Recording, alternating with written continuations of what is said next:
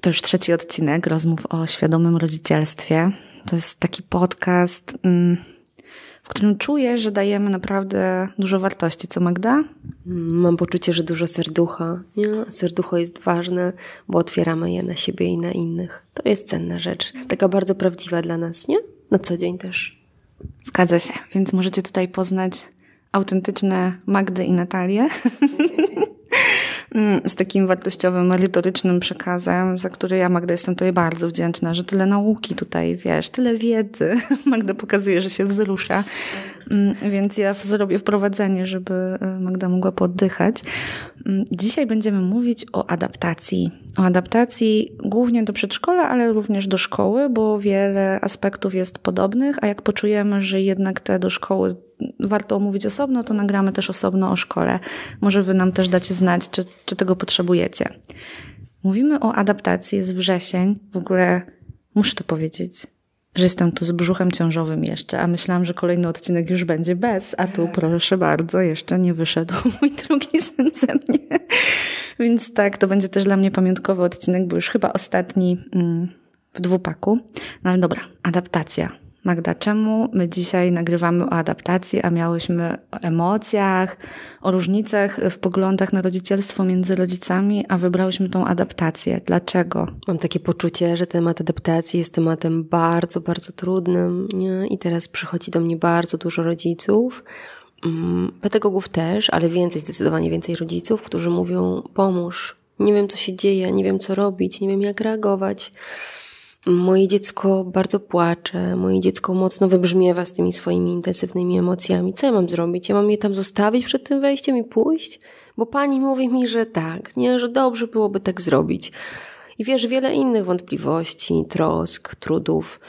Mm, rodzice przeżywają bardzo mocno ten, ten okres, dzieci przeżywają bardzo, bardzo intensywnie.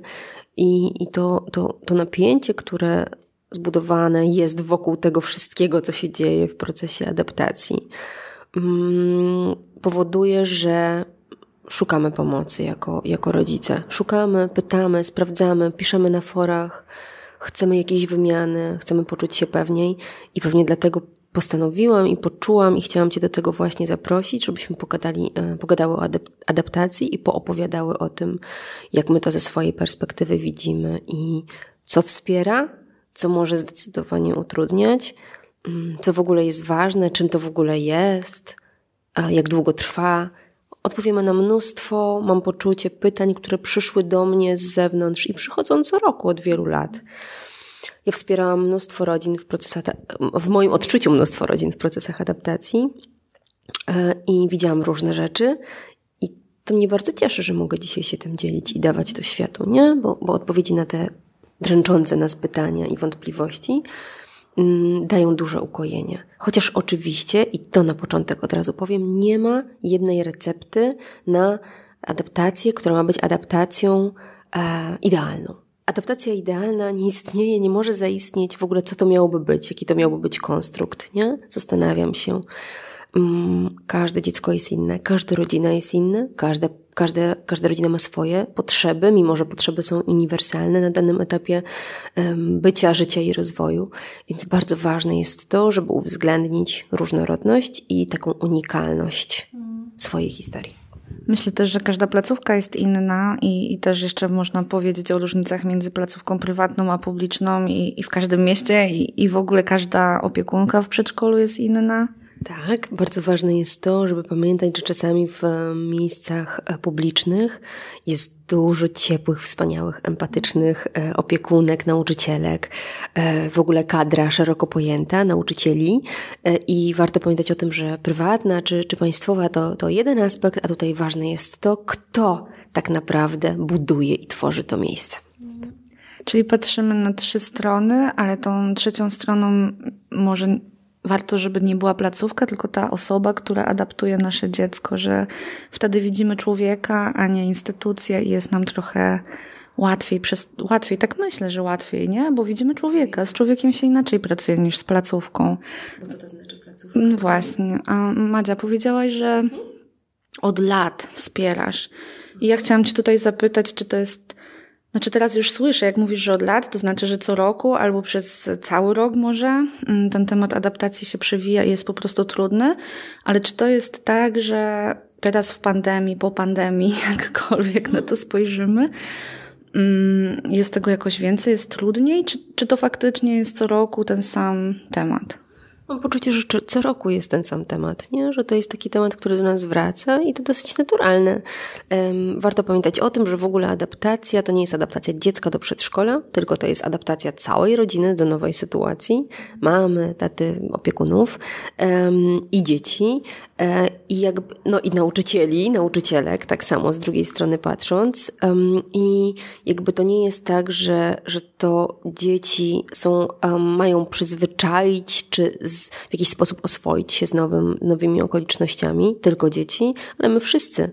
Jest to niezwykle trudna sytuacja, obciążająca i chcę dać Wam znać od razu, że Um, oczywiście pandemia um, i ten czas izolacji i to, że dziś jest tak jak jest, czyli jest inaczej, nie? że dzieci w niektórych placówkach mogą rozstać się z rodzicem przy wejściu na zewnątrz, tylko w nielicznych, e, jak się e, słyszę i dowiaduję, e, w, gdzieś w środku, nie? czyli na przykład w szatni. Oczywiście rodzice mają wówczas mieć maseczki i tak dalej, nie? Czyli mają być tutaj, jakby gdzieś te zasady bezpieczeństwa są zachowane, mają być zachowane mm, według osób, które tworzą te, te standardy. W każdym razie jest tak, że nasz układ nerwowy, dzieci, dorosłych, generalnie na razie chcę powiedzieć, nie? Kiedy jest jakaś nowa sytuacja w naszym życiu, bardzo często odbierają jako sytuację zagrażającą. I stąd też często lęk rodziców. Nie mamy często mówią do mnie, Boże, ja jestem taka wystraszona i przerażona, że ja to przelewam na dziecko, ja w ogóle wszystko psuję. Nie, nie psujesz. Jesteś człowiekiem i masz prawo doświadczyć tych trudów i absolutnie masz przestrzeń na to i możesz robić sobie tę przestrzeń na to, żeby to wszystko poczuć, żeby było ci trudno. Adaptacja wciąż jest tematem, który wymaga zaopiekowania i zadbania o to, żeby zarówno rodzicom w procesie adaptacji, jak i dzieciom było po prostu łagodniej i bardziej wspierająco.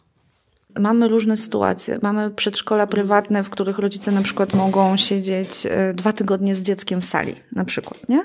I powoli, i najpierw godzinkę, potem dwie, a potem na cały dzień, a potem siedzą w szatni, a potem gdzieś. I mamy sytuację, gdzie nagle pierwszego dnia dziecko od razu zostaje przekazane pani. Mm, no i, i tutaj umiem sobie wyobrazić, że być może wolałybyśmy, żeby wszystkie adaptacje wyglądały jak w tym scenariuszu numer jeden, ale mam poczucie, i popraw mnie, jeśli się mylę, że to nie jest zawsze możliwe, że na przykład w tych państwowych e, instytucjach jednak jest tak, że te wszystkie dzieci adaptują się w zasadzie pierwszego dnia i nie wiem, czy one się adaptują.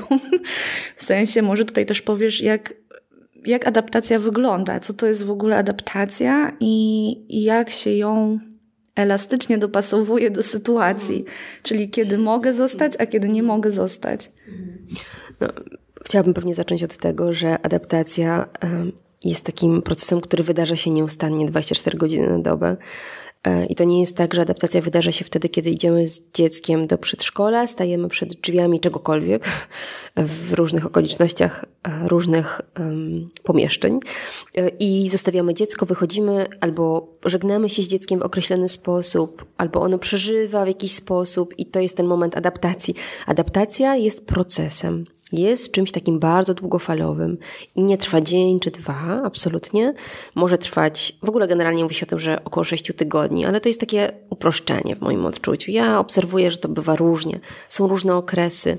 Są okresy takiego um, bardzo um, bardzo takie wspierające dla nas dorosłych, kiedy widzimy, że nasze dzieci wchodzą bardzo łagodnie, e, płynnie, w sposób, e, w sposób taki z uśmiechem na twarzy. To się zdarzy, owszem. To nie jest tak, że zawsze jest bardzo trudno i wymagająco, ale są po jakimś czasie na przykład może się wydarzyć, że dziecku znowu jest trudniej wejść. Mimo, że nic się nie wydarzyło no, pozornie, kiedy widzimy, na, kiedy patrzymy na to tak bardzo, rzucamy okiem przysłowiowym, nic się nie wydarzyło, co mogłoby spowodować, że temu dziecku jest na nowo bardzo trudno. A jednak mogą wydarzać się różne rzeczy w życiu dziecka, rodziny, e, różne sytuacje. Dziecko może być fizycznie też e, jakoś zmęczone, osłabione, może być tuż przed infekcją. To tak bardzo często zauważałam, że kilka dni przed infekcją albo w trakcie infekcji dziecko na przykład smutnia, posmutniało, było bardziej wycofane, bardziej rozdrażnione na przykład, nie? Różne sytuacje się wydarzają i ta adaptacja wówczas wciąż jakby trwa, nie? Adaptacja jest czymś, w ogóle jak myślę o adaptacji, to myślę o zmianie. A jak myślę o zmianie, to myślę o tym, że zmiana jest częścią naszego życia, wszystkich nas i wydarza się codziennie. Zmienia się wszystko. Zobacz, nie ma jednej takiej samej chwili. Nie? Nigdy. I rzadko używam tego, tego terminu nigdy, a dzisiaj właśnie go użyłam, bo faktycznie nigdy nic nie jest takie samo. Wszystko jest, nic nie jest konstant, wszystko jest ruchome bardzo. Więc kiedy myślę o adaptacji, to adaptacja jest w ogóle taką nieustanną częścią naszego życia, nie tylko w kontekście przedszkola czy szkoły, ale w ogóle. W związku z czym e, Myślę sobie o tym, że mm, kiedy adaptacja miałaby być wspierająca i budująca, no to warto na nią spojrzeć że, że ona się wydarza nieustannie, że to jest relacja z dzieckiem, którą budujemy stale, w tych dobrych momentach, w sensie takich, wiesz, spokojnych, bardziej łagodnych, kiedy dziecko jest w stanie względnej um, równowagi e, emocjonalnej, kiedy, um, kiedy nam też jest jakoś dobrze i łagodnie, kiedy ono doświadcza radości, kiedy doświadcza trudów codzienności, kiedy jest mu przykro, smutno, źle, płacze, krzyczy, tupie, wyraża swoje emocje w sposób intensywny i my przy nim jesteśmy i to nie musi dotyczyć w tej sy konkretnej sytuacji przedszkola, ale ta adaptacja wydarza się też wtedy, dlatego że wtedy dziecko buduje przecież takie poczucie, budujemy poczucie bezpieczeństwa, że twoje emocje mogą wybrzmiewać przy mnie bezpiecznie, nie? Daję ci przestrzeń na to, żeby wybrzmiewały, daję ci przestrzeń na wspólną zabawę, tak? Jestem przy tobie, towarzyszę ci w różnych momentach twojego życia i to jest adaptacja generalnie, bo wtedy właśnie wydarza się relacja. A kiedy wydarza się relacja i budujemy tę relację i w tej relacji pozostajemy uważni na dziecko w różnych sytuacjach i okolicznościach, nawet wtedy, kiedy kiedy rozleje zupę pomidorową na siebie w mieszkaniu, nie? I reagujemy na to w określony sposób, no to, to jakby wtedy dziecko buduje to zaufanie. I to takie poczucie, że okej, okay, tam po drugiej stronie jest człowiek, który mnie wesprze. Nawet jak jest mu trudno, nawet jak przeżywa swoje trudy, ma jakieś obciążenia swoje, nie? Życiowe, zwykłe, codzienne, może psychiczne i emocjonalne, nie? Może jest akurat teraz w stanie mm, jakiegoś takiego też przeciążenia własnego, to ten człowiek jest jest obecny w moim życiu i kiedy ja zawołam o pomoc albo wydarzy się coś, co jest niespodziewane dla mnie, a dla dzieci rzeczy niespodziewane są zwykle bardzo trudne, szczególnie dzieci wysoko wrażliwych, ale nie tylko, no to kiedy dziecko ma takie poczucie zaufania do drugiego człowieka i bezpieczeństwa, wówczas um, dużo łatwiej jest mu się odnaleźć w różnych sytuacjach i kawałkach. Czyli jak idziesz do tego przedszkola i dziecko już idzie z tym zaufaniem, które się buduje nieustannie stale w różnych sytuacjach, to dużo łatwiej jest mu w ogóle poczuć zaufanie do procesu, a proces adaptacji jest częścią naszego życia, więc wszystko się ze sobą tak mocno wiąże i zespala. No i kiedy jeszcze mnie pytasz o to, co jest wspierające w adaptacji, to jest mnóstwo takich punktów, o których możemy mówić, nie? Um, to, żeby dziecko zaufało nowej osobie, która jest tam po drugiej stronie, um, jest niezwykle istotne.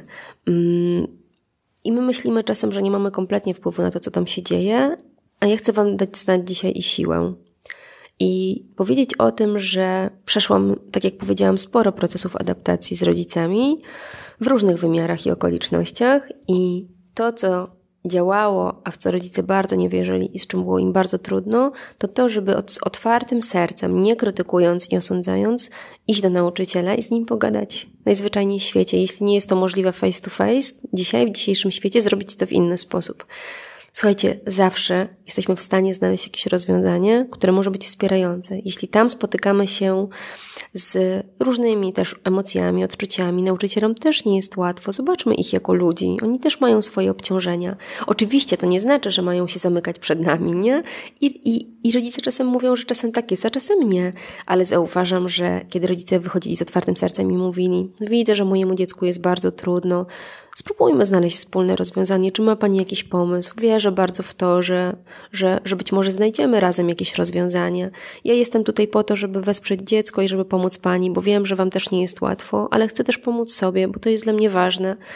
Nie? I chcę Wam pokazać, że yy, takie podejście do drugiego człowieka bezprzemocowe, Widzicie, porozumienie bez przemocy jest kawałkiem, który nie opowiada tylko o nas i dzieciach, ale opowiada o w ogóle świecie i o tym, jak możemy żyć i funkcjonować w różnych relacjach. Zatem, kiedy sobie z tego skorzystamy i, um, i będziemy pamiętać o tym, że to jest coś, co otwiera drugiego człowieka i otworzymy się też, to prawdopodobnie będziemy szukać takich rozwiązań, które będą budujące. I to jest ważne, żeby dziecko widziało, że my oddajemy je w ręce, czy przekazujemy je w ręce człowieka, z którym też budujemy relacje na nowo, na spokojnie, w miarę możliwości, tak? Oczywiście są różne sytuacje, ale mówię o generalnym podejściu. Co jest jeszcze ważne? Nigdy nie obiecujemy dziecku, że po nie wrócimy w sytuacji, w której, w jakimś określonym momencie, na przykład po zupie i nie spóźniajmy się, tak? E, czyli jakby, jeżeli to dziecko obiecujemy, to warto, żeby to się wydarzyło, bo to jest dla dziecka potwornie, potwornie trudne. Chcę Was od razu przeprosić, bo czasem skrzypi moje krzesło, e, ale ja jestem taka bardzo e, intensywna też w wyrażaniu, w związku z czym one, ono będzie skrzypiało i wybaczcie tutaj te nasze dodatkowe jakieś odgłosy i utrudnienia. Zatem pomocne jest na pewno też to, żeby, mm, żeby zawsze um, to jakby dotrzymywać tych swoich obietnic. Kochanie, wrócę o tej i o tej, więc jestem, a najlepiej jak jestem w ogóle 15 minut wcześniej, zanim dziecko wejdzie w stan takiego bardzo um, już intensywnego wyczekiwania w oknie i takiego strachu i lęku, czy ta mama będzie i jakby cały czas nacisku na nauczycielkę, bo to też widziałam. Kiedy będzie mama? Proszę pani, proszę pani, proszę pani, kiedy będzie mama? Mojej mamy jeszcze nie ma i, i mimo, że jakby to jest jeszcze przed czasem, kiedy mama miała przyjść, dziecko już bardzo przeżywa. Dzieci naprawdę bardzo mocno e, chciałyby tę przewidywalność mieć i to zaufanie budować w taki sposób bardzo, um, nie wiem, pewny, tak żeby czuły się pewnie nie? i bezpiecznie. Jest jeszcze bardzo dużo kawałków. Kolejny kawałek będzie pewnie o tym, że układ nerwowy dziecka jest w stanie pomieścić jakby pojemność układu nerwowego dziecka w kontekście przyjmowania nowych rzeczy, bodźców, impulsów, wszystkiego, co przychodzi z zewnątrz, jest taka ograniczona w takim znaczeniu, że dziecko nie jest w stanie pomieścić ogromnie dużo. I jeżeli dziecko jest wysoko wrażliwe, w ogóle bardziej wrażliwe, to pomieści jeszcze mniej. Pamiętajmy o tym, żeby obserwować zawsze swoje dzieci i sprawdzać, czy to nie jest tak, że ono potrzebuje to dziecko na przykład godzinkę pobyć na początku, albo dwie tylko, tak? I teraz dużo rodziców mówi mi, słuchaj, bo u nas to tak jest, że żegnamy się z dzieckiem przy wejściu, ono wchodzi, nie ma żadnej adaptacji. Nie musisz się na to zgadzać rodzicu. Mówię ci tu i teraz, dzisiaj. Nie ma żadnego przepisu, który mówi o tym, że rodzic musi podporządkować się takiemu pomysłowi. Nie ma żadnego mm, formalnego nakazu czy obowiązku. Absolutnie nie ma czegoś takiego. I to nie jest tak, że mamy tam stanąć i walczyć z tymi nauczycielami, krzyczeć i tupać, że o, chcemy inaczej, tak? Absolutnie. Tu chodzi znowu, znowu wracamy do tematu otwartości na pogadanie ale absolutnie jeśli widzimy, że nasze dziecko, że naszemu dziecku jest z tym pomysłem bardzo źle i trudno, bo są różne dzieci, nie? I różnie wchodzą w takie koncepcje dorosłych. Ale jeżeli widzimy, że, że, że to jest w ogóle poza jego możliwościami, nie? Poza możliwościami, nie wiem, układu nerwowego i w ogóle całego konstruktu człowieka, tego małego, dużego, wielkiego człowieka, to my możemy z tym pracować w taki sposób, że możemy przede wszystkim się na to nie zgodzić, powiedzieć stop, stop, stop. Nas to nie wspiera, tutaj to nie zadziała, pogadać i starać się znaleźć zupełnie inne rozwiązania. My nie musimy się na to zgadzać, powtarzam. I nie zgadzamy się na wyrywanie naszego dziecka z rąk, z rąk naszych, z uwagi na to, że nawet nie muszę pewnie tego tłumaczyć, ale wiecie, z uwagi na to, że jeśli dziecko ma doświadczyć czegoś nowego, co jest dla niego bardzo trudne, um, i wrzucamy je na głęboką wodę, no to tak jakbyśmy szli z nim na basen, tak już fizycznie, nie? I wrzucili je, poszli do jakiegoś e, trenera czy kogoś, kto uczyłby dziecko pływać i, i ten trener by wziął to dziecko i powiedział mu, słuchaj, teraz cię wrzucam do wody. I to wszystko. Nie masz narzędzi, nie wiesz, jak sobie poradzić tam na tej głębokości, tam nie wiem, półtora metra, wszystko jedno, jaka to jest głębokość, ale ja cię po prostu wrzucam, bo taki mam pomysł, nie? Bo tak sobie wymyślam. Nie absolutnie nie zgadzamy się na takie rzeczy. Nie zrobilibyśmy tego sami z naszym dzieckiem, mam poczucie, tak? W związku z czym również w sytuacjach, kiedy to chodzi o jakby emocjonalne czy psychiczne wsparcie i wspieranie układu nerwowego i mózgu dziecka i w ogóle jego jako człowieka, nie robimy takich szalonych rzeczy, absolutnie nie wiem, jak my jesteśmy dorośli i chcemy oswoić lęk wysokości albo inne poważne lęki, idziemy do, nie wiem, psychoterapeuty, no to też nie jest tak, że nagle psychoterapeuta mówi, ha, chcesz oswoić swoje lęki, to wchodzimy na dach i teraz z tego dachu po prostu ze spadochronem czy czymś tam spadamy, tak? Więc jakby Małymi krokami stopniowo oswajamy dziecko i sprawdzamy, jak ono reaguje. Wiesz co, już, już mam kolejne pytania w głowie, więc Właśnie, będę je... Tak. Mm, mówiłaś o tym przeżywaniu, o tym, że dzieci potrzebują trochę przewidywalności. I tutaj chciałabym jeszcze więcej konkretów dla rodziców wyciągnąć. Czy to czy to znaczy, że na przykład dobrym pomysłem jest mm, wcześniej bawić się w domu w przedszkole i pokazywać, że jak przyjdziesz, to będzie chwila swobodnej zabawy, a potem będzie śniadanie, a potem, nie wiem, leżakowanie czy cokolwiek y, jest w harmonogramie. Czyli na przykład zapoznać się z harmonogramem dnia dziecka w przedszkolu wcześniej i bawić się z nim w takie scenki, czy to jest też rodzaj przewidywalności.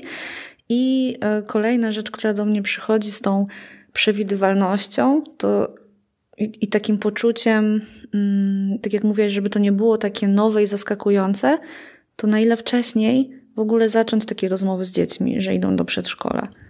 No, bardzo cenne pytania. Dobrze, że mi przerwałaś, cieszę się. E, jeśli chodzi o to, może zacznę od tego drugiego pytania, dobra? Jeśli chodzi o to, na ile wcześniej zacząć rozmowę z dzieckiem o przedszkolu, no to jest jakby też bardzo indywidualna sprawa. Czasem po prostu można przechodzić koło tego miejsca, nie? I gdzieś tam oswajać dziecko z tym, że ono w ogóle istnieje już dużo, dużo wcześniej. Można się bawić blisko tego miejsca, można pokazać budynek sam. E, można o tym w ogóle rozmawiać wtedy, kiedy widzimy, że dziecko, to, dziecko nie ma takiego poczucia. Też obserwujmy dzieci. Jeżeli widzimy, że to buduje napięcie, nie? Że my mm, budujemy takie y, napięcie wokół tej sytuacji, znaczy jakby chcemy dobrze, a wychodzi tak, że buduje się tam wokół tego takie a przedszkole, przedszkole. I wszystko jest w temacie przedszkola nagle, tak? Życie przestaje istnieć, istnieje tylko przedszkole. Przedszkole jest kawałkiem życia dziecka. Ja wiem, że to jest trudny okres dla nas i my swoje lęki dorosłe możemy zaopiekować też w kontakcie z innymi dorosłymi, nie? Przegadywać sobie na forach, na grupach empatycznych. Zapraszam serdecznie również na swoją. Możemy um, ze specjalistami pogadać, jeśli czujemy potrzebę. Natomiast um, jeśli widzimy, że nasze próby, tak jak powiedziałaś, na przykład zabaw z dziećmi, książeczek czytania, e, spotykają się z takim e, dużym oporem i z niepokojem dziecka, który jest widoczny natychmiast. Zaczyna się na przykład poruszać dziwnie, albo już takie jest bardziej pobudzone, już chce coś zmienić, to po prostu pójdźmy za tym, co widzimy, dobra? Czyli jakby nie, nie róbmy niczego na siłę, mimo że to może być wspierające w przypadku wielu, wielu dzieci. Gadanie z dzieckiem o przedszkolu, pokazywanie mu tego budynku, bycie tam blisko, to też jest bardzo budujące i wspierające, ale też sprawdzajmy, jak dziecko na to reaguje. To było drugie o tym, że, żeby zaczynać e, wcześniej i jak o tym mówisz, to w ogóle sobie myślę, że warto jednak wcześniej, żeby mieć ten czas na posprawdzanie, że skoro jest spina, to jeszcze mam dużo czasu na to, żeby przez chwilę o tym w ogóle nie gadać i za jakiś czas wrócić. A jak robimy to na miesiąc przed, to tam już nie ma tego czasu na przerwy. Hmm? Dokładnie tak, nie ma przestrzeni na to i mam poczucie, że wówczas jest w ogóle takie wszystko trochę nagle się wydarza, nie? A jak chcemy mieć przerwę w pogadaniu albo w zabawie, no to musimy mieć dwa tygodnie mniej więcej, nie? Znaczy musimy, nic nie musimy, ale możemy mniej więcej mieć te dwa tygodnie, bo tydzień, dwa to jest taki okres, kiedy faktycznie w tym wieku dzieci mogą się jakby od tematu na chwilę odciąć, zregenerować, a później możemy do tego wrócić. Więc wiesz, to czasem warto może i pół roku wcześniej, to zależy od dziecka i sytuacji, ale wiecie co? Adaptacja to też rodzic i ja bym chciała zaprosić rodziców do czegoś bardzo ważnego. Jest taka ważna rzecz, o której chcę Wam powiedzieć, bo w wieku trzech lat bardzo często u dzieci pojawia się też taki lęk separacyjny i ten lęk separacyjny się wzmaga mocno w tym okresie adaptacji. I teraz ważna rzecz jest też taka, żeby o tym pamiętać, a żeby o tym pamiętać, to też warto planować swoje życie tak w sposób taki, który jest wspierający dla całej rodziny i dziecka. I jeśli mamy pomysł, żeby, że na przykład e, jest tak, że w rodzinie pojawiło się nowe, drugie dziecko, e, chcemy się przeprowadzić, bo chcemy być blisko przedszkola, bo wybraliśmy przedszkole i mamy pomysł, żeby się przeprowadzić miesiąc przed i na przykład jeszcze mamy pomysł, żeby wydarzyło się coś jeszcze innego i nowego w naszym życiu, e, to czasem może być tylko, nie wiem, zmiana łóżeczka u dziecka, a dla dziecka to jest wielka rzecz, to pamiętajmy proszę o tym, że to jest znowu o tym układzie nerwowym ten kawałek, że on nie jest w stanie pomieścić wszystkich tych rzeczy naraz. I dla dziecka to są tak duże, wielkie sprawy, które potrzebują przynajmniej kilku miesięcy na oswojenie zwykle.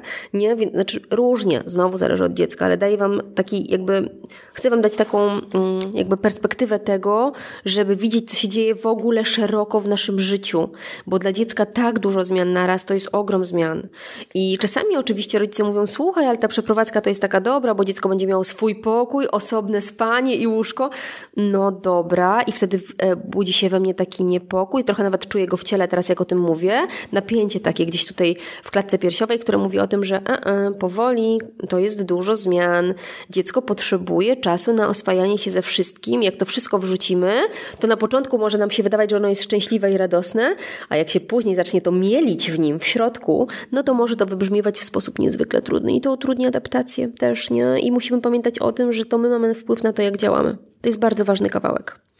Mm, myślę sobie, że w tym kontekście możemy mówić o strefie wpływu, czyli sprawdzić, na co mamy wpływ. Jeżeli na przykład w przedszkolu wymagane jest to, że dziecko musi być odpieluchowane, to czy to jest o tym, że my nie możemy tego odpieluchowania jednak zostawić tak, takiemu naturalnemu cyklowi, jakbyśmy chcieli, chciały, tylko musimy powinnyśmy, byłoby miło zacząć trochę wcześniej, żeby znowu nie było za dużo zmian, że tu ci zabieram pieluchę i jeszcze idziesz do przedszkola i jeszcze nie masz tam bezpiecznej dorosłej osoby, której ufasz, więc wstrzymujesz siku w ogóle, wiesz, nie sikasz. Albo się wstydzisz, bo się posikałeś, e, posikałaś spodnie, że, że to może być też duży kawałek z tym odpieluchowaniem. No, no, znowu poruszasz ważną rzecz, o której, mm, o której zapomniałam na chwilę, a to jest kurczę takie istotne, że siku to swoją drogą, a jeszcze jest kupanie i y, odpieluchowanie, y, w sensie jakby nie moczenia się może nastąpić szybciej, a z kupą bywa też bardzo różnie i to też jest osobny proces, można powiedzieć. To jest jedna rzecz. Druga rzecz jest taka, że jak mamy taki pomysł, żeby usamodzielnić dziecko, czyli nagle bez pieluchy, nagle samo ma wiązać buty i zakładać i zdejmować, zakładać i zdejmować kurtkę i to wszystko naraz, no to to jest grubo, za dużo, zdecydowanie. Jeśli dziecko, bo ono w ogóle nie będzie czuło się bezpiecznie. Czyli co, ja mam teraz, jestem odcięty od mamy, nie? Idę w nowy świat, w ogóle w, nowy, w nową rzeczywistość wchodzę, zupełnie w nową strukturę. Wszystko się zmienia i ja jeszcze mam sobie sam radzić, no to jest dla dziecka absolutnie, totalnie obciążające. Nie zgadzamy się na to, nie chcemy tak robić. To nie jest budujące i wspierające, więc wszystko wcześniej dzięki Netania i też pamiętamy, że są różne regresy i w, w kontekście odpieluchowania, i w kontekście uczenia się zakładania butów. Są różne momenty, gdzie dziecku jest trudniej i ono potrzebuje jednak więcej wsparcia z zewnątrz. I to się będzie działo i to jest naturalne. Jeżeli miejsce wymaga, żeby dziecko było odpieluchowane, to nie, nie wystarczy dwa miesiące wcześniej zacząć, bo jest lato, tylko zaczynamy czasem nawet pół roku wcześniej albo jeszcze wcześniej. Chodzi o oczywiście zdroworozsądkowo, jeszcze wcześniej to może w ogóle nie być zdroworozsądkowo, bo pamiętajmy, że do 36 miesiąca życia bardzo często dzieci y, mogą być odpieluchowane, a część z nich w ogóle nie jest, nie? Według badań chyba nawet 40-60%, między 40 a 60% nie jest odpieluchowanych wciąż, albo tylko 40-60% jest. W każdym razie połowa. W związku z powyższym Ważne jest, żeby o tym pamiętać, nie? Żeby to nie było tak, że raz, że rzucamy dziecko na głęboką wodę totalnej i nagle samodzielności we wszystkim, dwa, że robimy to wszystko naraz i trzy, że robimy to miesiąc lub dwa przed. To jest za krótko. Starajmy się wcześniej, jeśli, jeśli musimy i też e, starajmy się odpieluchowywać w sposób ludzki, nie trenując dziecka i są ludzie, którzy się tym zajmują e, w, w sposób taki bezprzemocowy i bliskościowy i można do tych ludzi iść, wykupić sobie webinarium um, lub też kurs, kurs i sobie popracować w taki sposób, który jest naprawdę sposobem budującym i wspierającym. Nie robić tego w sposób agresywny, żeby nie, bo to może jakby znowu utrudnić proces adaptacji, a przecież o to nam nie chodzi. I w ogóle utrudnić dziecku funkcjonowania i psychikę obciążyć mocno, nie? Presja jest niedobra. Po prostu. Teraz, y, uwaga, przerwa na reklamę, ale zarówno w temacie robienia siku, jak i przedszkola polecam Wam dwie książki Magdy o Tosi i Julku. Ja mam poczucie, że, że one są wspierające e, też w takiej rozmowie o tym, że to jest ok się posikać na przykład czasami, nie? Że te mokre że, że to jest ok, to się zdarza i tam jest dokładnie napisane, jak mama mówi do swojego dziecka, że, że to się zdarza i jakby nie musimy już teraz uczyć się całego NVC, żeby wesprzeć dziecko w takich sytuacjach. Ta mała, kolorowa książka Magdy, mm, mam poczucie, jest wystarczająca i jest ogromnym wsparciem zarówno dla dziecka, które widzi posikane dziecko i mamę, która mówi, że to jest ok, jak i dla rodzica, e, który no po prostu daje przykład takiej konwersacji o tym, że to jest ok. I tak samo jest z przedszkolem, kiedy jedno z dzieci chętnie do niego idzie, a drugie niechętnie. Mm. I jest przykład rozmowy o tym mm, właśnie obiecaniu, o której godzinie się przyjdzie i tak dalej, że no, że to w jakiś sposób e, może być wspierające i od razu macie gotowca, jak można spróbować. Oczywiście zachęcam do tego, żeby to było autentyczne i wasze, i waszym językiem, ale myślę, że takie konkrety są dosyć wspierające. Hmm?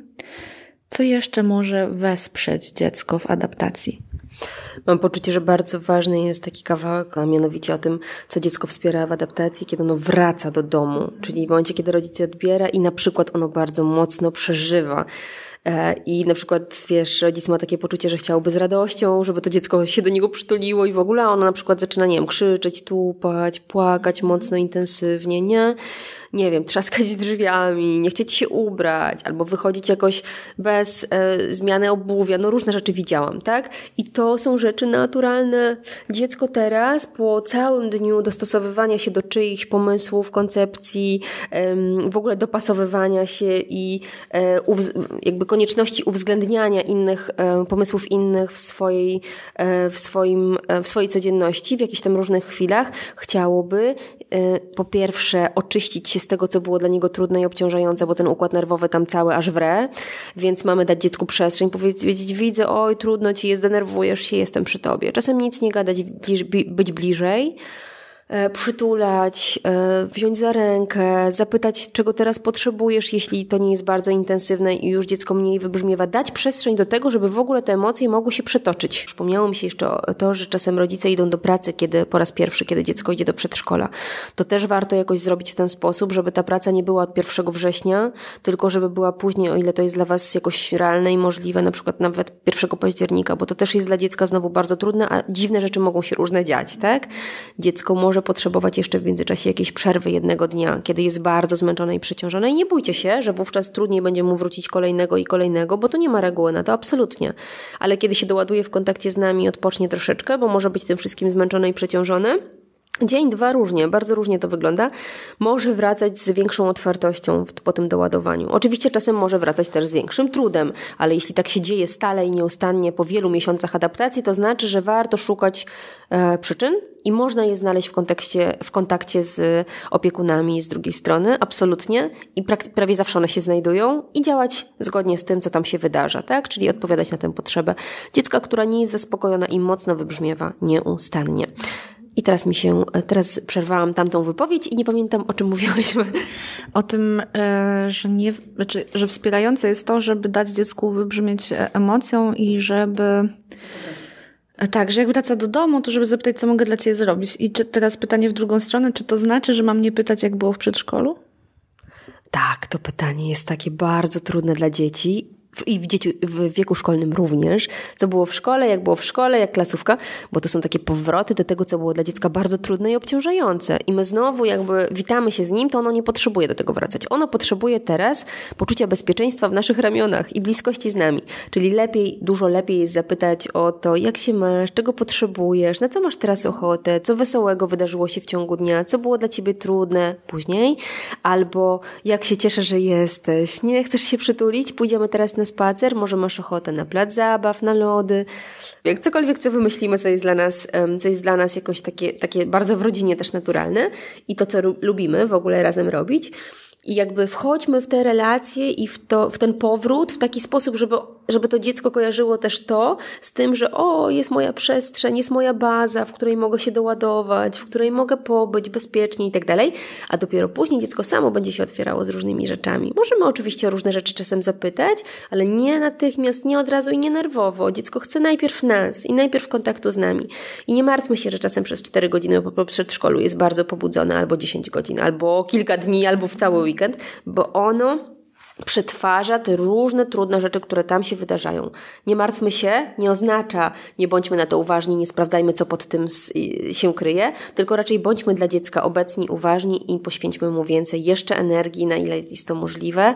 E, bądźmy też tacy bardzo wrażliwi na jego uczucia i emocje i odpowiadajmy na nie w taki sposób, okay, możesz z tym wybrzmiewać, jesteś ze swoim smutkiem, okay, taki jaki jesteś.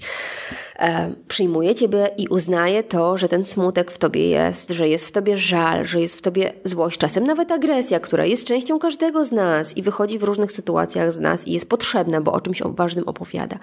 Więc to są takie bardzo ważne rzeczy. Zatem jak dziecko wraca po przedszkolu, nie pytajmy jak było w przedszkolu i co jadło na obiad, proszę.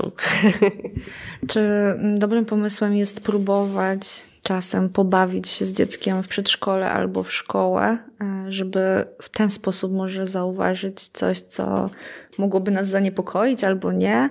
W sensie, wiesz, no, w zabawie dużo rzeczy wychodzi. Mm, dziecko chce przerobić coś, tak, takie mam poczucie. Tylko pytanie, czy jak ta zabawa wyjdzie od nas, to to, to, to jest ta droga, czy nie.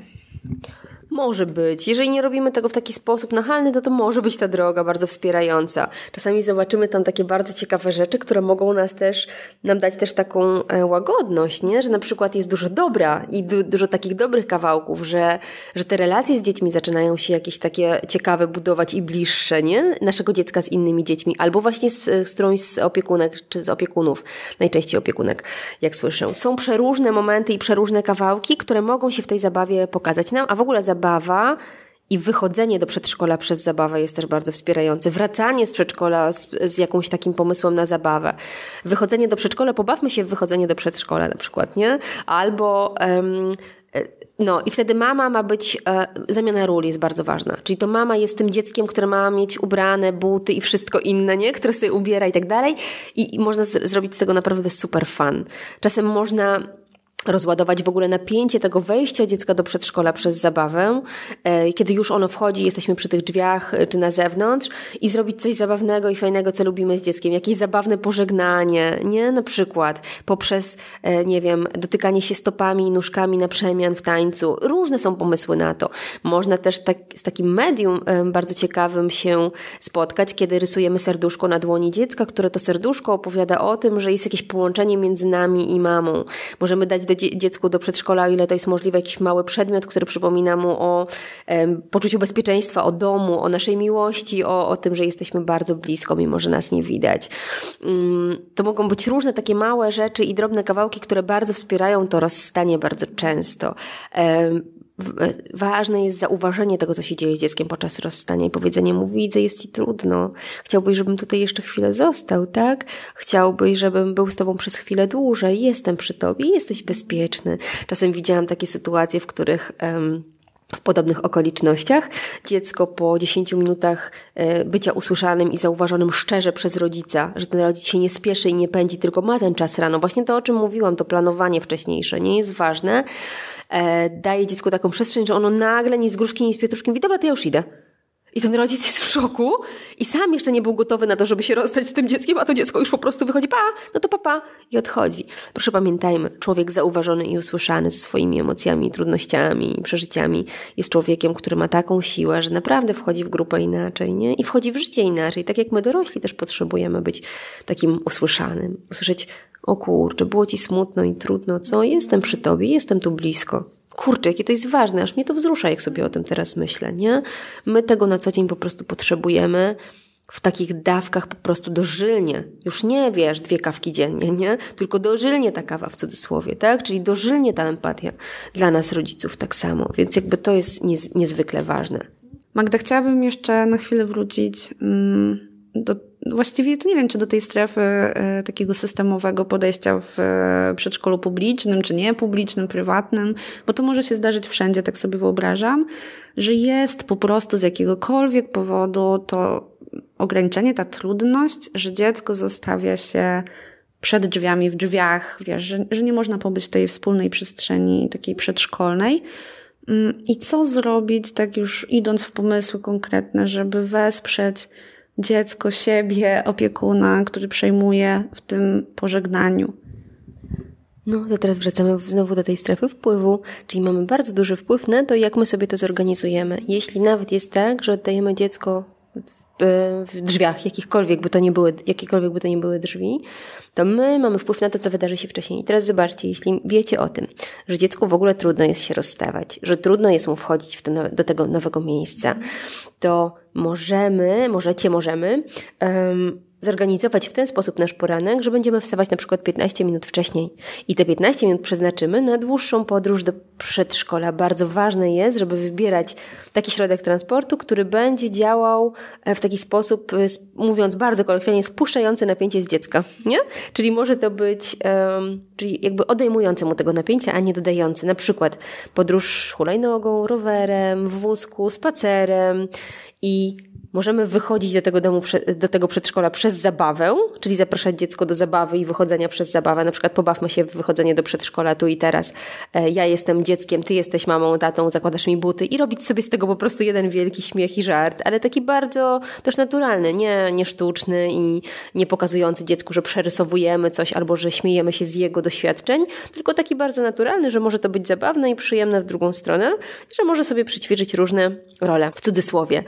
E, to też jest bardzo cenne. Ważne jest, żeby móc się na przykład zatrzymać w międzyczasie, posiedzieć sobie na ławce, porozmawiać z dzieckiem o tym, co teraz, tu i teraz czuje, albo um, przećwiczyć sobie jakieś wesołe i um, pozytywne formy pożegnania e, poprzez, nie wiem, um, dotykanie się dłońmi czy stopami w tańcu. To są bardzo e, ciekawe sposoby, które były ćwiczone przez wielu rodziców i działają, potrafią działać cuda. Rzeczywiście działają bardzo uwalniająco i przynoszą ulgę dziecku. E, możemy też narysować dziecku wspomniane wcześniej serce na dłoni i powiedzieć to serduszko na tej ławce na przykład będzie przypominało o tym, że niedługo wrócę. Albo e, dać dziecku jakiś mały samochodzik albo dwa, które mogą zaczekać w szatni i później w drodze do domu może dziecko może sobie te samochodziki wziąć, możemy sobie zrobić jakiś garaż po drodze, gdzieś e, narysować go, nie wiem, kredą na, na chodniku. Możemy robić różne rzeczy i wykorzystywać, korzystać z różnych sposobów i które pomogą dziecku jakby poczuć taką spójność tego wszystkiego i taką przewidywalność, nie? Że teraz siedzimy sobie na ławce, teraz robimy to i to, teraz jesteśmy w bliskości, doładowujesz się w kontakcie ze mną w domyśle, tak? I doładowujemy rzeczywiście to, to dziecko w kontakcie z, z, ze sobą i w poczuciu bezpieczeństwa, ale też dajemy mu znać, że za chwilę będzie tutaj przed tymi drzwiami się z nim rozstawać i przejdzie w ręce pani na przykład Kasi, tak? Albo cioci, w zależności od tego, jak rozmawiamy, jak komunikujemy się z dorosłymi tam. Także zobaczcie, możemy zrobić dużo różnych rzeczy, wstać wcześniej, e, zaprosić dziecko do tego, żeby samo wybrało ubrania, które chce na siebie założyć i um, lub też, nie wiem, przygotować mu dwa zestawy ubrań, dwie koszulki, żeby sobie wybrało jedną spośród tych, tak? Ten wybór jest bardzo ważny. Dać dziecku jak najwięcej przestrzeni do samodecydowania, do autonomii, do poczucia sprawczości, aby mogło z tym doładowaniem w tym kontekście pójść do przedszkola, w którym będzie musiało uwzględniać nieustannie wszystkich wokół. A to koleżankę, a to kolegę, a to panią, tak? I będzie musiało e, zasadniczo dostosowywać się do pewnej e, struktury funkcjonowania tam w przedszkolu. Więc to jest nasza strefa wpływu. Czyli my działamy, oczywiście wspieramy dziecko w emocjach, mówimy podczas pożegnania, kiedy jest mu trudno, mówimy do niego. Widzę, że jest, na przykład widzę, że jest ci trudno, widzę, że um, chciałbyś jeszcze powie, pewnie, żebym chwilę została, jestem przy tobie, widzę ciebie, słyszę ciebie. Dziecko, które jest usłyszane i zobaczone przez rodzica, tak samo jak my dorośli, kiedy jest nam trudno, kiedy jesteśmy usłyszeni, przyjęci z tym, co przeżywamy, ma bardzo, dużą, ma bardzo duże poczucie jakby tego, że e, zaufania, bezpieczeństwa i tego, że w sytuacjach trudnych w jego życiu jest ktoś, na kim mogą polegać i, i ktoś, kto jakby otwiera przed nim taką przestrzeń do bycia w tym, w czym jest i, i dziecko się tego nie boi. To jest bardzo ważne i bardzo cenne. Widziałam nieraz w procesach adaptacji, że dziecko, które usłyszało od rodzica, rozumiem, że jest ci trudno, chciałbyś inaczej, chciałbyś, żebym tu jeszcze dłużej pewnie została, wiesz, ale teraz będę szła do pracy, a ty tutaj możesz zostać, będziecie robić teraz to i to, czyli możemy po kolei powiedzieć dziecku też, nawet już w domu, domu, tak? Co będzie się działo mniej więcej, bo przecież znamy ten harmonogram, możemy się z nim wcześniej zapoznać. I to jest bardzo cenne, żeby dziecko tę przewidywalność miało, bo ta przewidywalność zwykle jest bardzo wspierająca. Tu nie chodzi o jakąś szaloną rutynę, bo to nie w tym rzecz, i to wcale nie zawsze musi być budujące, żeby to wszystko było w takich bardzo ryzach, wprost przeciwnie, czasem dodaje napięcia, ale chodzi o to, żeby dziecko miało jakieś punkty odniesienia, w których będzie czuło się pewniej i bardziej bezpiecznie. A kiedy będzie usłyszane i zauważone, widziałam to nieraz, dziecko popłakiwało delikatnie i subtelnie przez jakiś czas, usłyszane i zauważone po 10 minutach nagle mówiło, wiesz co, to ja już idę, papa, albo ja już idę się bawić, pa mamo. I rodzice byli w szoku i to trudniej im było się rozstać niż dziecku. Więc bardzo ważne jest to, żeby zawsze, absolutnie zawsze stawiać na to, żeby za, um, pewnić poczucie bezpieczeństwa dziecku i zająć się jego tym, czego ono doświadcza i po prostu to nazwać, pobyć przy tym, przytulić, złapać za rękę, nie? Dać dziecku takie poczucie, że to, czego doświadczasz i co przeżywasz, jest normalne, naturalne, ja cię w tym słyszę. I wtedy ono czuje ulgę i ukojenie, tak jak my dorośli, kiedy potrzebujemy tego na co dzień w różnych sytuacjach trudnych. Myślę sobie, że ten pośpiech w ogóle nie sprzyja w rodzicielstwie. W sensie, że, że często jak się spieszymy, to, to mniej mamy tych zasobów na to zauważanie, na zatrzymywanie się.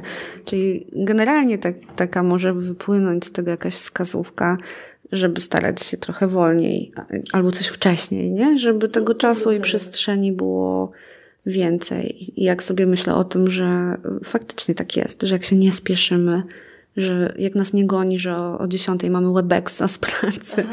i musimy już tam być i, i po prostu myślimy już tylko o tym, o sobie, o tym, żeby zdążyć, że korki, że coś, no to jest nam trudniej się pożegnać tak z dzieckiem, żeby to było wspierające dla wszystkich trzech stron, nie? No to, no. E, powiedziałaś też o ubraniach. I tu bym się na chwilę zatrzymała, okay. bo często widzę w przedszkolu y, jakoś y, dziewczynki bardziej niż chłopaków, ale może przez to, że te stroje przykuwają bardziej moją uwagę, że są w strojach Elzy, albo że ktoś chodzi w samych majtkach, nie? Że jakby, no te stroje są często ciekawe, i czy to jest właśnie o tym, że dziecko wybiera sobie jakąś strategię poradzenia sobie z jakąś trudnością i że chce być w tym stroju Elzy albo, albo w tych skarpetkach, albo trzeci dzień z rzędu w tej samej koszulce, bo mu to jakoś pomaga i pozwólmy mu na to, bo ja sobie myślę, że jakby mój syn chciał iść e, do przedszkola w jakimś stroju, który już przygotowałam, przygotowałam, hmm, jakbym umiała, kupiłam na, na bal przebierańców, wiesz, to, to gdzieś tam tak mnie coś, mm, nie, nie idź w tym, nie, a w ogóle to, to ubierz się normalnie, no nie? Okay. Tak, tak, i ta normalność mocno nam czasem wybrzmiewa, dzieci rozumieją ją inaczej, każdy z nas może mieć inaczej. Tak, może być tak, że dziecko chce sobie poradzić z tą jakąś trudną sytuacją e, i też mieć taką właśnie znowu strefę wpływu, ono też, na to, co ono zakłada, w jaki sposób, jak będzie, co będzie miało blisko siebie. Może to jest jakiś strój, który daje dziecku poczucie bezpieczeństwa, może jakoś rozwesela, nie? Może daje mu, dodaje mu jakiejś takiej mocy i energii, e, bo ten bohater akurat jest pełen mocy i energii, a tej mocy i energii dziecku dziecku, dziecku brakuje i ono na bardzo intuicyjnym poziomie po prostu do tego dąży. Więc możemy się na to otworzyć, zaopiekować też swój, swój, e, swoje takie sprawdzić, o co mi chodzi, czy ja się wstydzę tego, że inni dorośli mogą mieć z tym trudność.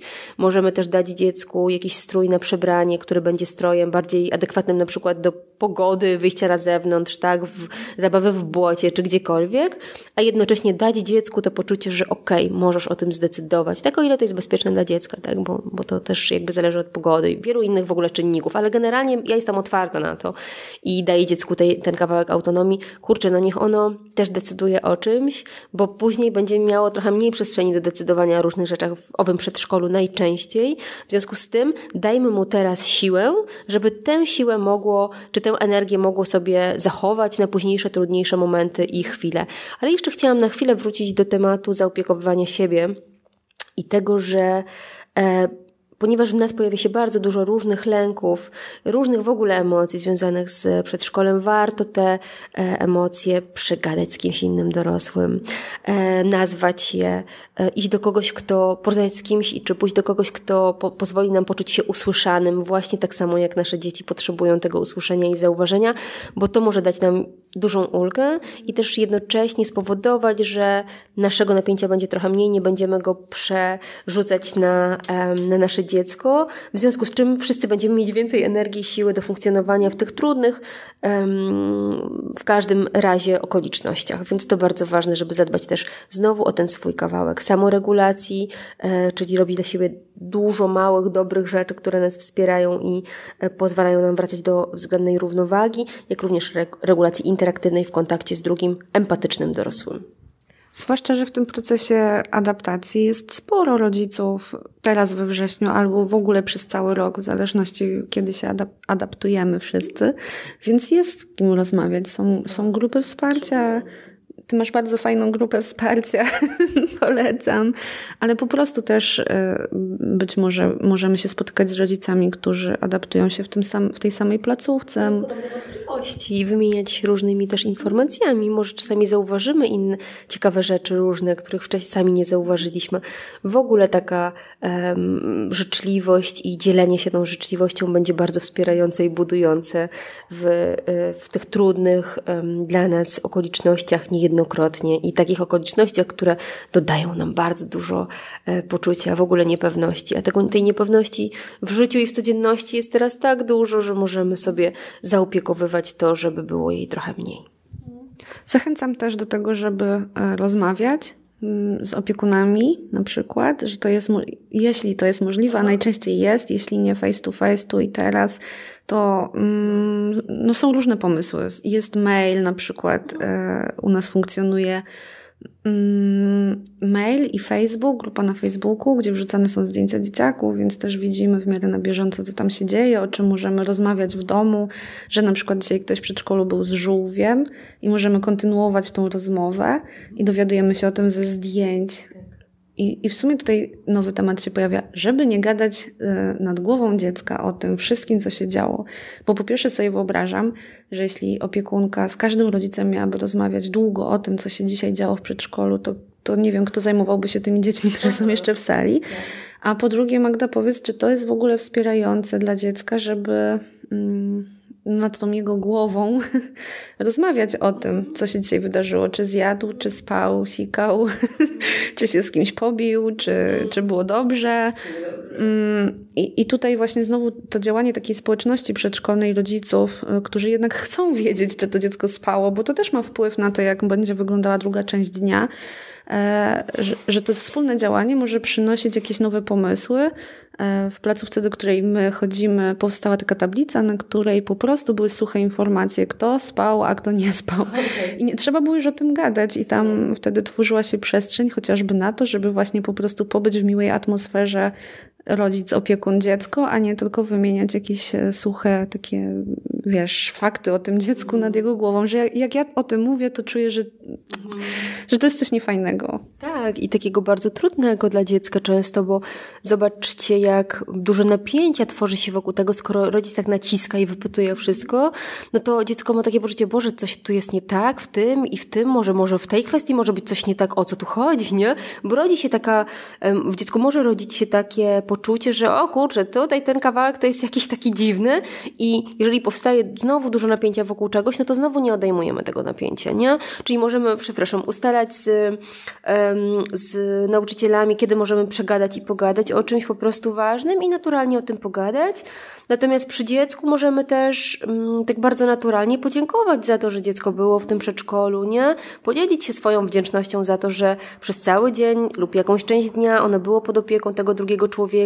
Zobaczcie, jak bardzo nauczyciele też potrzebują naszej życzliwości. W ogóle wszyscy jej potrzebujemy. To znowu taki kawałek się pojawia tutaj w naszym podcaście o życzliwości, o porozumieniu bez przemocy, o tym, że możemy dawać sobie dużo dobra w życiu i codzienności, wymieniać się dobrą energią, która pozwala nam w tych trudniejszych chwila chwilach przetrwać, ale też dobrze poczuć się tu i teraz i mieć więcej takiej, nie wiem, czułości, łagodności, empatii dla samego siebie, poczuć się docenionym. Każdy z nas tego potrzebuje, więc. Um, Możemy pokazywać dziecku, jak cenne jest dzielenie się wdzięcznością właśnie w takich momentach. Nie wtedy, aby drążyć temat tego, jak było, tylko wówczas właśnie zająć się tym, żeby po prostu podzielić się kawałkiem ciepła i życzliwości. Jeśli oczywiście to czujemy i to jest nam jakoś bliskie, bardzo serdecznie do tego zachęcam, bo to daje siłę nam, nam wszystkim.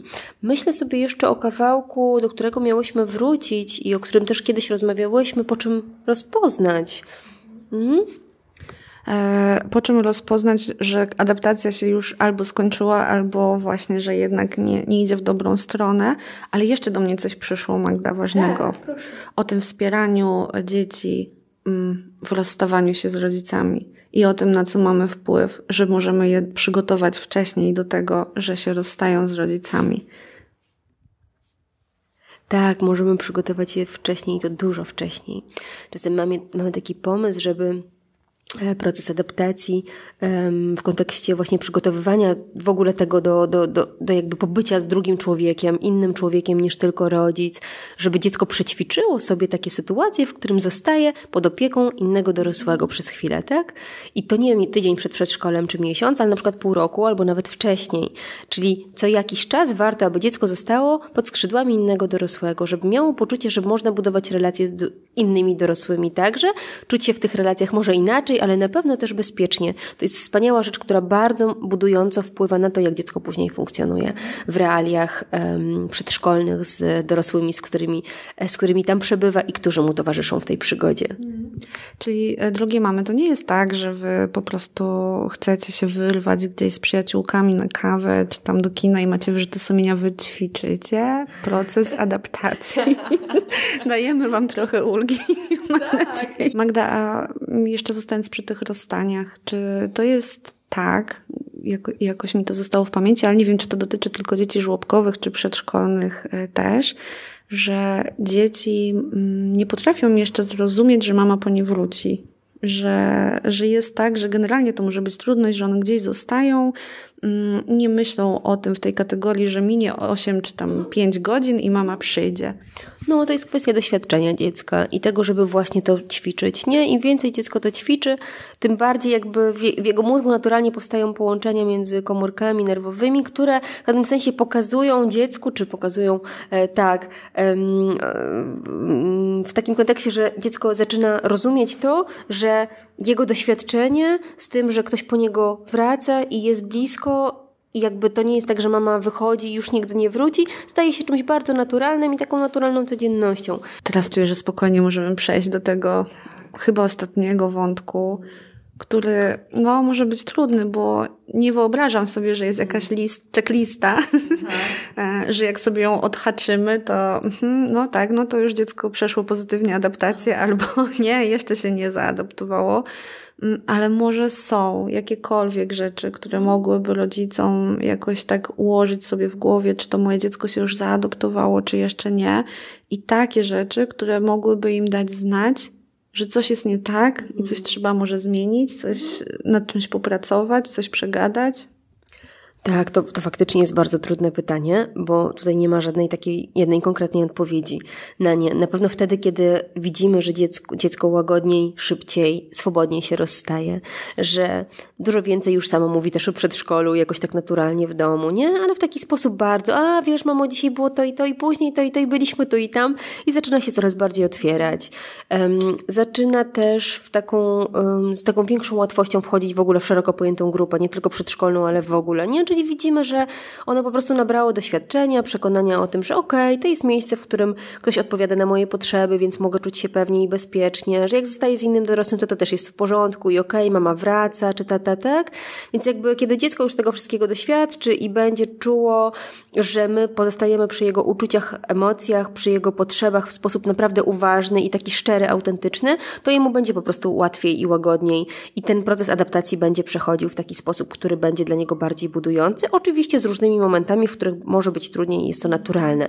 Natomiast my będziemy to czuli jako rodzice i widzieli, nie? Będą takie, to, to się po prostu czuje, gdzieś tam w środku, że okej, okay, jest lepiej, jest łagodniej, idzie to szybciej, łatwiej.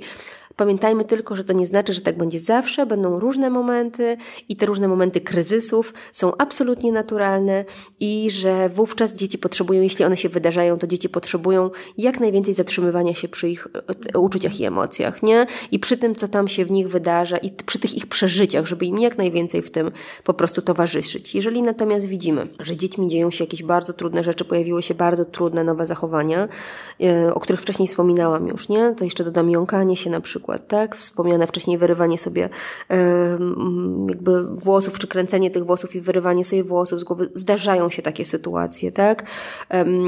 Znowu moczenie się na nowo w taki sposób bardzo intensywny. Niechęć do jedzenia, trudności z zasypianiem, czasami trudności w ogóle takie z lękami nocnymi, nie? Znowu wybrzmiewającymi jakimiś, jakimiś takimi koszmarami sennymi. sennymi. To, to są takie kawałki, ciągłość snu na przykład też bardzo zaburzona może być.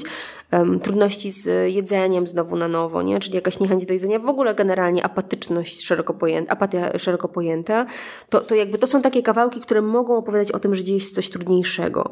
Jeśli dziecko naprawdę jest kurczowo, trzyma się rodzica przez wiele, wiele tygodni, e, przez bardzo długi okres czasu rano i po prostu to jest taki naprawdę płacz bardzo intensywny, z bólem i takim widzimy, że naprawdę naprawdę cierpieniem, no to grzebiemy. Rozmawiamy z specjalistami, rozmawiamy z nauczycielami, opiekunami w przedszkolu, sprawdzamy, co za tym stoi, co to jest za temat, sprawdzamy szerzej, co dzieje się w naszym domu, w naszej codzienności i w jaki sposób może to wpływać na dziecko, czy, czy zaistniały jakieś zmiany i trudy, które wpływają na to, jak dziecko funkcjonuje. W ogóle jest kilka różnych kawałków, które mogą wydawać się takie bardzo mm, nam zupełnie codzienne, zwykłe, naturalne, a które mogą mieć ogromny wpływ na funkcjonowanie dziecka i na to, że coś może się w jego życiu wydarzać trudnego. Czy ty masz może jakieś takie doświadczenie? Mam świeżutkie doświadczenie, bo mm, no to miał ostatnio takie trudności w przedszkolu, gdzie już wiesz, no on tam chodził i do żłobka, i do przedszkola, i, i zna opiekunki i miejsce i w ogóle wszystko i sposób dotarcia i, i to jakby było ogarnięte. Mm, a tu nagle właśnie jakiś smutek, brak energii, brak chęci do zabawy, mm. bóle brzucha, wiesz, no to już zaczyna się myślenie takie, że coś stresuje, coś jest nie tak. Mhm. Ja się zastanawiam, bo, bo zmieniły się panie, a, a może to coś tam wewnątrz. Panie się zastanawiają, bo no, za chwilę będzie drugie dziecko, więc on się pewnie stresuje drugim dzieckiem, ale to mi nie dawało spokoju i w ogóle, no nie jest to o tym, że ja wypieram to, że moje dziecko może przeżywać pojawienie się rodzeństwa, bo jestem na to otwarta, świadoma i nie wiem, czy przygotowana, ale myślę, że już ta świadomość to dużo. Natomiast nie dawało mi to spokoju. E, i zaczęłam się przyglądać bardziej temu, co się jeszcze mogło zmienić u nas. I zmieniła się dieta, ponieważ ostatnio żyjemy w jakimś takim pośpiechu przygotowań do, do tego mhm. pojawienia się rodzeństwa i w poszukiwaniu łatwości. Mhm. I dużo jedliśmy mącznych, glutenowych rzeczy, mhm. wiesz, buły, pizza, haczapuli i tak dalej, byle szybko, byle zjeść. E, no i odstawiliśmy to i moje dziecko wróciło do życia radosne, chętne do zabawy, łatwiejsze w pożegnanie. Jest o tym, że po pierwsze warto rozmawiać z nauczycielami, w sensie szukać więcej, a nie wydawać diagnozy po prostu i ją przyjmować i kurczowo się jej trzymać. Ale jeszcze bardziej to jest o tym, żeby ufać sobie i że jak czujemy, że coś, co zostało nam powiedziane, nie do końca nam pasuje i że to może być coś więcej, to żeby za tym zaufaniem pójść i grzebać i o tym gadać i nie na zasadzie a bo ktoś ma złe intencje, wydał diagnozę i już nie chce mnie słuchać, tylko hej, jesteśmy tu razem dla tego dziecka, dla nas mhm. i poszukajmy razem, co to mhm. jeszcze może być. Nie zamykajmy się na jedną opcję i to zaufanie i podążanie za sobą to jest coś, no co bardzo Wam polecam. Tak, i w procesie adaptacji, i w codzienności rodzicielskiej, i w ogóle w życiu. E, I też w takich sytuacjach, zobacz na przykład to, że mogłaś zostawić swoje, swojego Teosia ze sobą w domu i poobserwować go przez dzień czy dwa, zobaczyć to, co się w ogóle z nim dzieje, zauważyć, że to o te buły chodzi, dało Wam przestrzeń do tego, żeby pomóc dziecku i pomóc sobie w tej sytuacji. I to jest właśnie to, że my możemy czasem na chwilę się zatrzymać i to zatrzymanie się może naprawdę być bardzo budujące dla nas wszystkich. Możemy posprawdzać, o co chodzi i czy to, czy nam powiedział, o, czy to, o czym powiedział nam nauczyciel, czy opiekun, faktycznie może być jakimś kawałkiem. I być może może, ale są jeszcze inne rzeczy, jak, zobacz, niby zwykła, niezwykła dieta, która wpływa w ogromny sposób na nasze samopoczucie ogólne, na nasz nastrój. To, co jemy, ma e, ogólnie bardzo, bardzo duże znaczenie. W przypadku dzieci tak samo. W związku z czym, y, dotknięcie tego tematu pozwoliło Wam po prostu poczuć ulgę i pójść dalej. I to jest właśnie mm, bardzo cenna rzecz, tak jak powiedziałaś, o zaufaniu do siebie. Jeśli czujemy coś w środku bardzo mocno, na poziomie bardzo instynktownym, że chodzi o coś więcej albo coś innego, przysiądźmy przy tym, zaprośmy to na kanapę, pobądźmy z tym, poobserwujmy siebie, poobserwujmy swoje dziecko, zadajmy sobie pytanie, o co nam chodzi, w czym może być rzecz, możemy sobie to rozpisać albo z kimś omówić, porozmawiać, ale przede wszystkim dać sobie przestrzeń do spokojnej obserwacji i do zobaczenia, co to może być. Nie musimy się tego bać, Chociaż oczywiście lęk przychodzi naturalnie i warto go uznać, ale też warto sobie zaufać, nie? I z taką życzliwością i empatią do siebie wyjść. Zobacz, znowu pojawia się taki kawałek, którym możemy gdzieś tam um, nie wiem, na co dzień chyba się dzielić ze wszystkimi e, osobami wokół, że dobro dla siebie, łagodność dla siebie, życzliwość dla samego siebie i empatia dla siebie daje nam większą siłę do pokonywania trudności, daje nam też radość z życia i pokazuje też naszym dzieciom pewne rozwiązania, które mogą być wspierające dla nich na przyszłość i pewne podejście, które w ogóle może być budujące dla nich, nie? Możemy być wdzięczni sobie za to, że to zaufanie gdzieś tam w środku w nas jest i ufać sobie, słuchać innych z zewnątrz, coś tam przyjmować, ale też sprawdzać i sprawdzać, co nam służy. To jest bardzo piękne, nie? że możemy sobie taki kawałek zachować i w kierunku tego zaufania do siebie i empatii dla siebie pójść. Dużo tutaj jest o empatii i dobroci dla siebie, ale też dla innych. To jest znowu o tym, że żebyśmy sobie życzyły i często to powtarzamy w postach też, żebyśmy byli były wszystkie i wszyscy dla siebie nawzajem też dobrzy, nie?